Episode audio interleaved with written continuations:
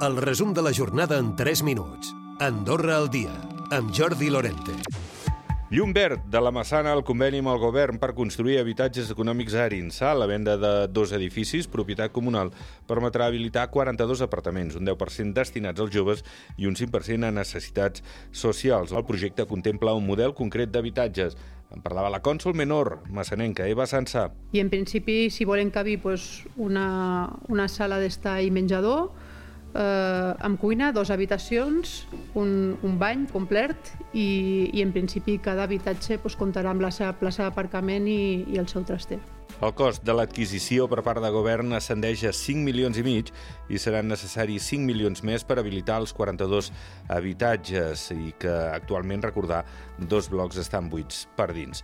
El cònsul major de Canillo assegura que si a la parròquia també fos possible disposar d'algun edifici per ampliar el parc d'immobles de lloguer a preu assequible seria benvingut. Francesc Camp destaca que aquesta iniciativa, amb tot, no seria suficient per posar fi a la problemàtica. El, el principal problema del país actualment és l'habitatge, actualment i des de fa uns anys ja, i qualsevol iniciativa que permeti eh, posar pisos al, al mercat és benvinguda, no?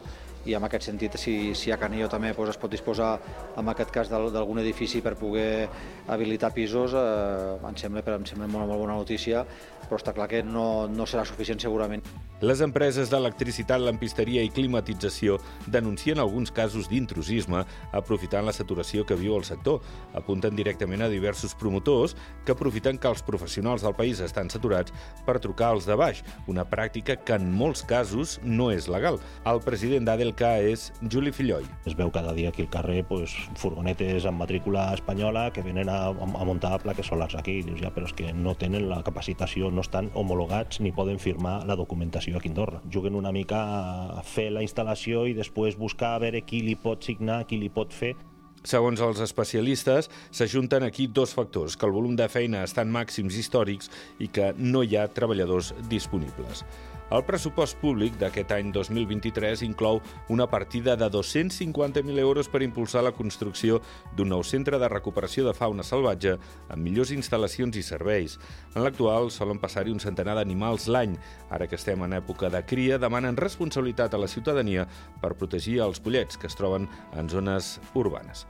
I el dressing ja està en marxa a la Massana. Es tracta de tres dies on el reciclatge o el reaprofitament de molts productes, especialment roba, complements, són a la Massana, a la Closeta. En parlaven des de la pròpia dressing diversos paradistes. Ens agradava fer alguna cosa diferent i com tenim tanta roba doncs hem decidit aprofitar-ho i, i donar-li una segona vida. La nostra parada és benèfica. Tota la recaudació anirà per Càritas, Mans Unides i Aigua de Coco. Que en realidad teníamos muchas cosas en casa y quisimos darle una segunda oportunidad. Vide Dressing serà protagonista a la Massana fins diumenge. Recupera el resum de la jornada cada dia a AndorraDifusió.d i a les plataformes de podcast.